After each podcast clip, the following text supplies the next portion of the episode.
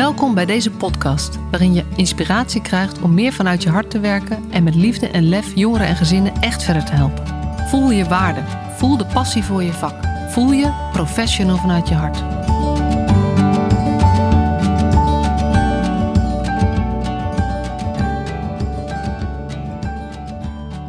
Welkom bij deze nieuwe aflevering van de Professional vanuit je hart podcast.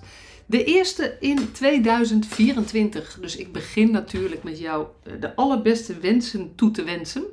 Ik hoop dat, uh, dat 2024 veel moois voor jou in petto heeft. Uh, en um, ja, dan kan je ik hoop liefde, gezondheid, gezelligheid um, en mooie ervaringen. En um, ik denk ook mooie mensen om je heen. Want het leven is niet altijd een feestje. Uh, en dan is het gewoon ontzettend fijn om een aantal mensen om je heen te hebben bij wie je dan terecht kunt. En dat gun ik je ook van harte, dat wens ik je echt toe. Um, en voor mij is 2024 um, uh, nog niet begonnen op het moment dat ik dit opneem. En natuurlijk een paar dagen voor oud en nieuw. Dus ik zit nog, uh, ik, kijk nog uit naar, naar, naar Oudjaarsdag, waarop ik altijd oliebollen ga bakken. En ook dit jaar weer, de oliebollenmix is in huis. ik vind het een heel leuke traditie. Ik doe dat nu een jaar of 10, 15. En uh, ik denk eerlijk gezegd dat het komt omdat mijn ouders het nooit deden. Mijn moeder bakte nooit oliebollen. En ik vond dat heel gezellig als dat bij andere gezinnen wel gebeurde. Dus ik uh, heb zo'n soort, uh, soort van tegenreactie gekregen. En dat hou ik dus nu al even vol. Ik heb een nieuwe traditie gebouwd voor mezelf. En ik vind het echt heel leuk. En mijn kinderen die, nou ja, die weten het ook al. Dus die zijn er ook al op ingesteld. En die kleintjes vinden het natuurlijk leuk om te helpen. Dus dat vind ik altijd weer spannend, dat te helpen met oliebollen bakken en die hete olie. Uh, en het is ook wel een moment waarop ik altijd lekker... Uh, ik doe mijn oortjes in, zet ik een leuke podcast op. Um, dus het is ook wel een dag die, um, uh, die een beetje van mij is. terwijl het een, een, drukke gezinstijd is natuurlijk in de kerstvakantie. Maar um, ja, ik heb er wel zin in.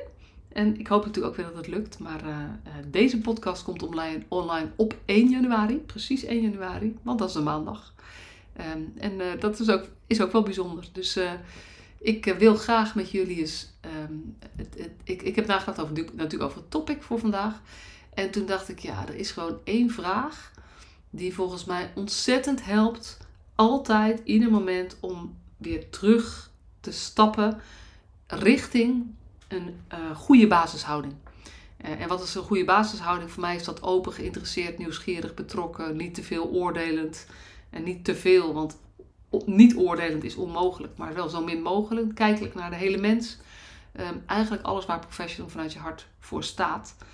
Want dat is, als je de, mijn missie eigenlijk plat slaat, uh, gaat het daarover. Met, uh, uh, ik geloof dat we, als we de basishouding van professionals in um, alle vormen van zorg uh, onderwijs en sociaal domein, als we daar meer focus op zouden hebben en daar meer ruimte voor zouden maken en tijd aan zouden geven en aandacht aan zouden besteden, dan denk ik dat we het echt morgen een heel klein beetje beter hebben gemaakt. En dat hele kleine beetje, daar ga ik gewoon voor. Want um, we kunnen niet alle problemen oplossen, maar kleine stapjes kunnen, wel, uh, kunnen we altijd oplossen. Dus uh, die basishouding, dat is echt voor mij key. En dat, dat is echt de kern van ons werk. En toevallig was ik nog net een, uh, weer een, een, review van een boek aan het lezen. Dus niet het boek zelf. Ik, ik, doe heel veel kennis op door um, samenvattingen of reviews van boeken te lezen of, um, uh, of, of, podcasts over boeken uh, te luisteren. Waardoor ik van heel veel dingen een beetje weet en van heel weinig dingen heel veel weet. Dat is, moet ik ook wel eerlijk toegeven.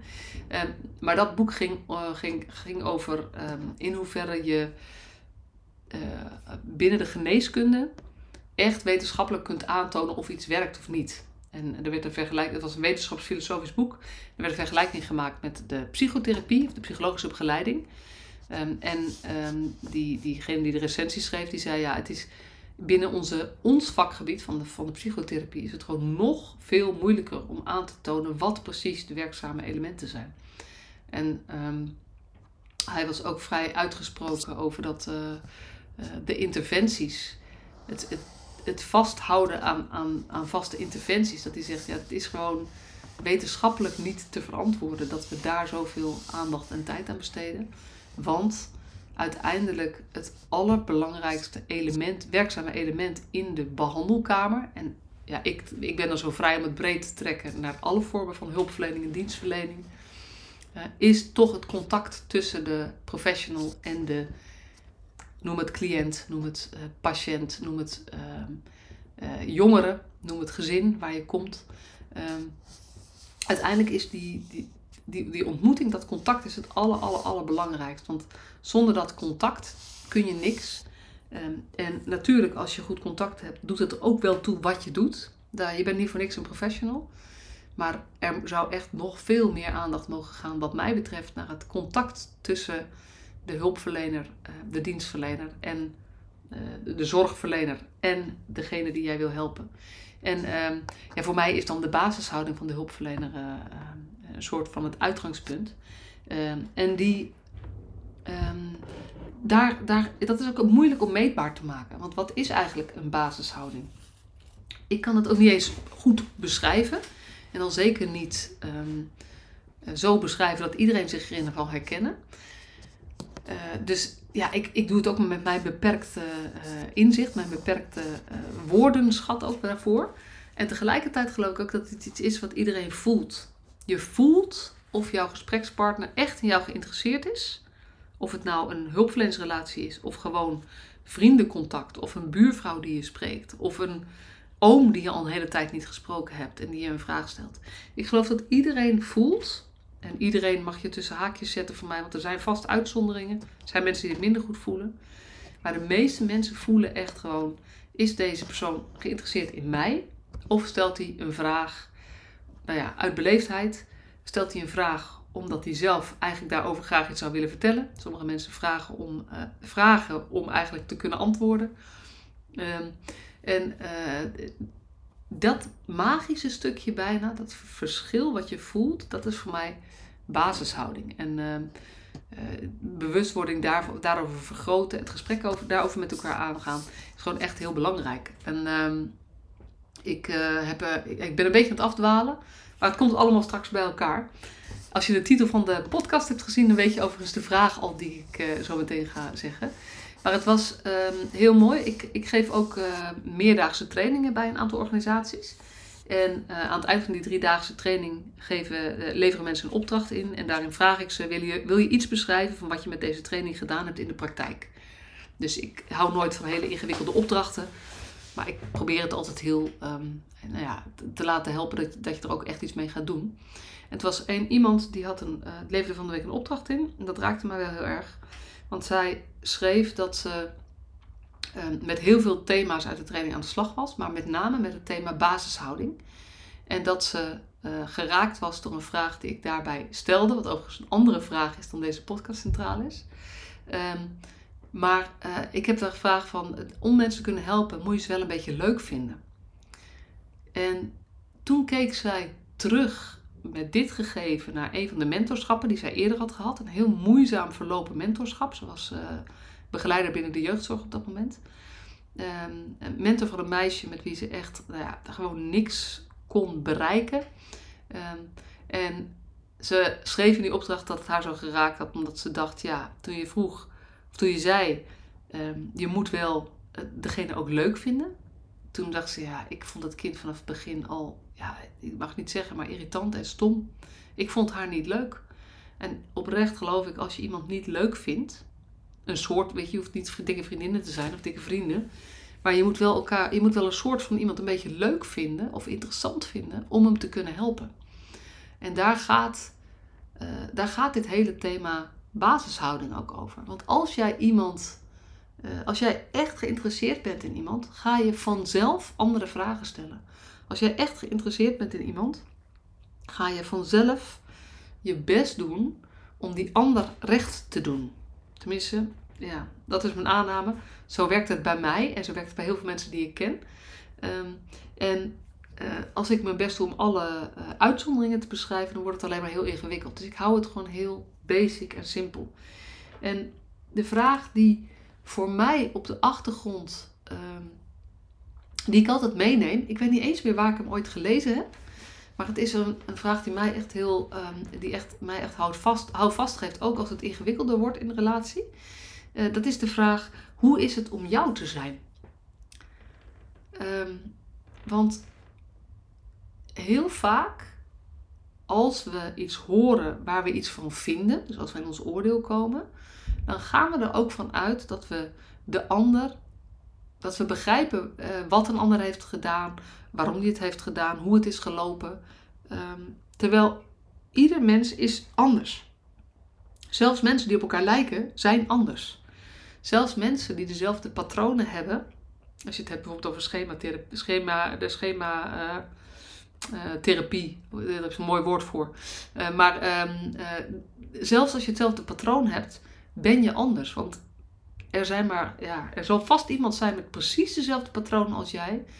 Maar ik weet niet of ik die persoon ooit tegen kan komen. En um, wat ik zelf merk is dat naarmate ik vaker ga denken, maar ik snap wel hoe het werkt bij diegene, hoe vaker ik ook weer ontdek dat ik ernaast zit. Dus um, dat geldt voor mijn partner, dat geldt voor mijn kinderen, maar dat geldt ook voor mensen met wie ik intensief heb samengewerkt. Um, dat zodra je gaat denken dat je het begrijpt, hoe het bij een ander werkt, dan is het super fijn als je goed zit. En hier zit wel een maar. Ik ben niet zo van het woordje maar, maar hier, hier wel. Um, maar het doet ongelooflijk pijn als je er net naast zit. En het doet pijn of je uh, iemand voelt zich dan niet door je begrepen, omdat je dan um, net de kern soms mist. En natuurlijk kan je dat met gespreksvaardigheden goed oplossen. Um, maar de aannames die wij soms doen, die soms te snel zijn, waar wij soms te veel oordeel hebben over wat iemand doet, de keuzes die iemand maakt. Uh, zeker als je merkt dat je uh, de, de keuzes van iemand eigenlijk afkeurt, dat je die niet begrijpt, dat je die onlogisch vindt, dat je die onhandig vindt, um, dan helpt mij de vraag: hoe is het om jou te zijn? En dan, ja, ik, zit, ik, ga dan denken aan een voorbeeld. Hè, want kan je het hebben over iemand die heel weinig geld heeft. Um, ik, ik heb veel geleerd van ook mijn, mijn ervaringen in het buitenland. Ik heb uh, drie maanden in Tanzania gewoond, vier maanden. Uh, en ik ben een uh, periode in Roemenië geweest. Dat was een veel kortere periode, maar die, staat me nog helder voor de geest. En in Roemenië, toen was ik ook nog jonger. Daar weet ik nog dat, mij, dat, dat ik voor het eerst zag dat mensen echt arm waren echt weinig geld hadden. Ik was op dat moment student, dus ik had ook niet veel te besteden. Maar zij waren echt arm. Uh, en ze hadden echt uh, weinig geld. Maar wat zij veel kochten was Coca-Cola. Dus merk cola. En ik weet nog dat ik toen um, eigenlijk eerst een oordeel had. Van ja, dat doe je toch niet. Als je zo weinig geld hebt, dan besteed je dat daar toch niet aan. En ja, dat is nu, als, ja, als je denkt aan mensen die in armoede leven, die onder het bestaansminimum zitten in Nederland of, of elders op de wereld, maar zeker ook in Nederland. Dat mensen die wel genoeg te besteden hebben, vaak ook oordelen hebben over waar je je geld dan wel of niet aan zou moeten uitgeven. Maar um, toen al in Roemenië heb ik daar met ik weet niet meer, ik heb daar in ieder geval gesprekken over gehad, be bewust mee bezig geweest. En zij legde toen ook uit van ja, maar als je zoveel dingen niet kan die je wel zou willen, dan is het feit dat je Coca-Cola kan drinken, is vervanging voor al die andere dingen. Uh, dus um, jij, hoe is het om jou te zijn? Je weet het gewoon niet. Als je niet zelf in die situatie zit. En dat vind ik altijd zo, zo schrikbarend ook bij, bij zo'n programma als uh, Steenrijkstraat Arm. Waar, ook, waar je ook van alles van kan vinden, van het ethische, van het ethische level daarvan.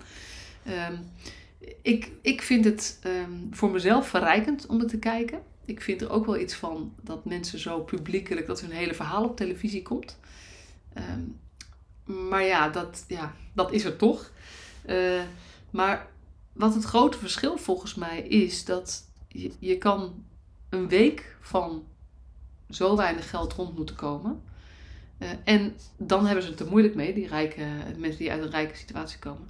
Maar weten wat het betekent als je, als je maand in, maand uit, week in, week uit, maand in, maand uit en jaar in, jaar uit, altijd te weinig geld hebt voor de normale dingen.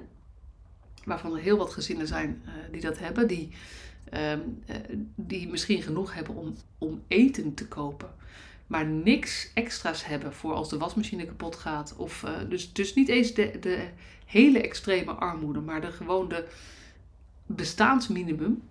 Ehm, wat het betekent om een hele periode zo te leven, kan ik mij niet voorstellen. En het helpt mij om me de vraag te stellen: hoe is het om jou te zijn? Eh, en dat is een vraag die mij zelf kan helpen om te, te zorgen dat ik minder oordeel heb. Maar het is ook een vraag die je kan omzetten in vragen ehm, als je in een gesprek bent met iemand. Dus als ik uh, uh, iemand ontmoet die ehm, een achtergrond heeft als vluchteling, dan kan ik daar allerlei ideeën over hebben met de beperkte kennis die ik heb. Maar eigenlijk kom ik er pas achter hoe de ander het leven ervaart als ik hem of haar vraag: hoe is het om jou te zijn? Hoe is het om gevlucht te zijn uit Syrië of uit Eritrea?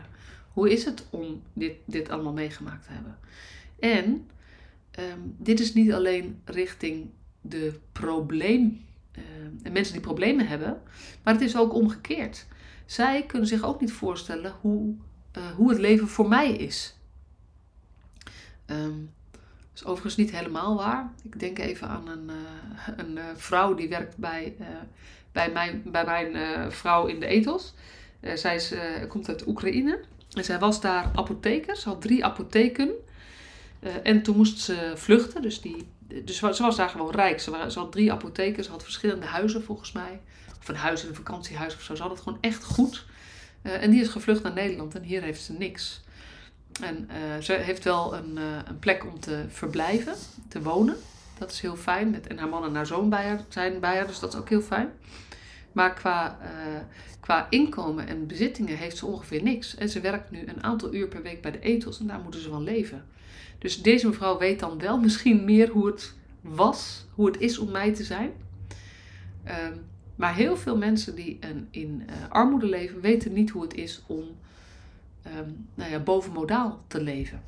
En ehm, voor mensen die bovenmodaal leven, ik weet, weet ook niet hoe het is om, om echt heel rijk te zijn. Dus dat het, leren kennen van de belevingswereld, de leefwereld van een ander. Hoe is het om jou te zijn als jij opgegroeid bent ehm, in, een, uh, in een gezin waar te weinig aandacht voor je was? Hoe is het voor jou om opgegroeid te zijn als je ouders zijn gescheiden? Hoe is het voor jou, ehm, hoe is het voor jou als, uh, uh, om, om mee te maken dat je je partner vreemd gaat? Hoe is dat voor jou? Want ik kan misschien hetzelfde meegemaakt hebben, maar ik ben iemand anders. Dus ik weet niet hoe het is om jou te zijn. Ehm, en ik denk, als we ons dat meer zouden afvragen. We leven natuurlijk in een tijd van enorme polarisatie. Waarin uh, mensen, groepen meningen hebben over andere groepen mensen. Ehm, eh, en dan, dan kunnen we het hebben over, ja, we hebben een mening over de vluchteling. We hebben een mening over de PVV'er. We hebben een mening over de VVD'er. Uh, we hebben mening over de, weet ik het, ja, noem maar iets, een andere groep, zeg maar. De werklozen, ehm, de daklozen. Overigens ook heel interessant. Ik had een artikel gelezen in het blad van het Kansfonds. En hadden, ze hadden een onderzoek laten doen naar um, wie zijn de daklozen eigenlijk. En daar kwam uit, de dakloze bestaat niet. Het is zo'n ongelooflijk diverse groep dat ook als je dakloosheid kent, weet je nog niet hoe het is om die ander te zijn. Omdat de achtergrondsituaties zo verschillend zijn. Um, en wat je meegemaakt hebt is verschillend. En je omstandigheden nu zijn verschillend. En als je meer gaat verplaatsen in de ander, dus niet de ander gaat beschouwen, dat is een groot verschil. Kijk je naar de situatie van een ander om een oordeel erover te, te vellen, of verplaats je je in de situatie van een ander. Probeer je in te voelen wat het betekent om die ander te zijn. Met zijn karaktereigenschappen, hoe hij de wereld beschouwt, bekijkt. Uh, uh, en op het moment dat je dat probeert en je, je, ehm, en je je, in ieder geval, je, je wil dat graag. En daar ga je je vragen, uh, zo ga je je vragen stellen, zo ga je gesprekken in. Dan krijg je echt veel meer zicht op ook de, de, de, overwegingen van mensen. En ik denk dat ja, die tijd van polarisatie, we weten niet meer. We zijn ook niet meer op zoek. En we is weer, ik denk dat er uitzonderingen zijn. Hè? Ik denk dat ook veel mensen die het wel nog doen, uh, naar deze podcast luisteren. Maar het kan altijd 5% meer. Dat geloof ik dan ook weer. En dat is ook een note to self. Um, ben ik oprecht geïnteresseerd in mensen die, um, die eigenlijk afgehaakt zijn um, uh, en niet zijn gaan stemmen, omdat ze geen vertrouwen meer hebben in de politiek of geen vertrouwen meer hebben in de overheid bijvoorbeeld. Um, daar kan ik ook nog meer interesse in hebben. Heb ik echt interesse in, in mensen die een compleet andere geloofsovertuiging hebben dan ik, of heb ik daar een mening over? en ik, ik denk, hoe is het om jou te zijn? dat helpt om, om gewoon dieper door te vragen en door te praten. En ja, je mag in eh, je eigen leven, voor mijzelf is het ook in mijn eigen leven, vind ik het een verrijking om, uh, om me daar zo in te verplaatsen. En het opnemen van een podcast over zo'n thema, dat helpt mij ook altijd weer om zelf bewuster te worden. Dus dank je wel dat ik deze podcast moest opnemen, want ik ga hier ook in 2024 weer bewust mee aan de slag. Um, maar zeker als je beroepsmatig een rol hebt richting die ander.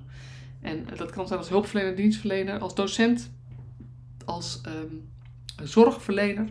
Uh, maar ook voor mij als ik trainer ben. Um, uh, en als ik probeer mensen iets mee te geven over, uh, ja, over professionalisering, over vakmanschap. Um, en dan kom ik ook soms in, in organisaties waar veel aan de hand is. En dan, dan is het voor mij ook belangrijk om te, me te blijven af te vragen: hoe is het om jou te zijn? Hoe is het om hier vandaag deze training te volgen terwijl je weet dat er zoveel dingen spelen binnen je organisatie bijvoorbeeld? Wat in heel veel jeugdzorgorganisaties natuurlijk nu actueel is. En, uh, uh, ik had een vriendin aan de telefoon die in het onderwijs werkt. Ook bij veel scholen is er natuurlijk uh, is er van alles aan de hand en, en speelt er van alles. Dus hoe, hoe is het om jou te zijn? Nou, een mooie, mooie vraag volgens mij om om uh, eh, 2024 mee in te gaan. En om het misschien concreet te maken, um, zou je eens kunnen nadenken: is er nou iemand in je omgeving waar je eigenlijk niet echt in geïnteresseerd bent geweest tot nu toe? En uh, dat kan iemand, kan iemand zijn uh, uit je privéleven, kan ook iemand zijn van je werk, waar je een collega misschien wel, misschien een cliënt, een jongere die je eigenlijk gewoon stom vindt. Um, dan zou ik wel heel benieuwd zijn wat er gebeurt als je met deze vraag in je achterhoofd die persoon gaat benaderen. En dat je dus eigenlijk op zoek gaat naar hey, wie is die ander en hoe is het eigenlijk om hem of haar te zijn. Dus um, ja, ik uh, hoop dat ik hiermee aan het denken heb gezet en een overweging heb meegegeven die jij ook weer mee kunt nemen en verder kunt dragen. Fijne week, tot de volgende podcast.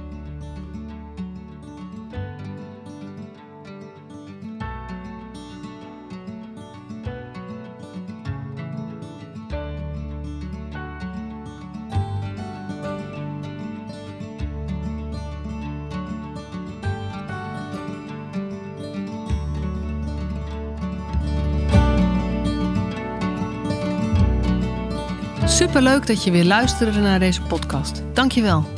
Nog even kort een paar belangrijke dingen.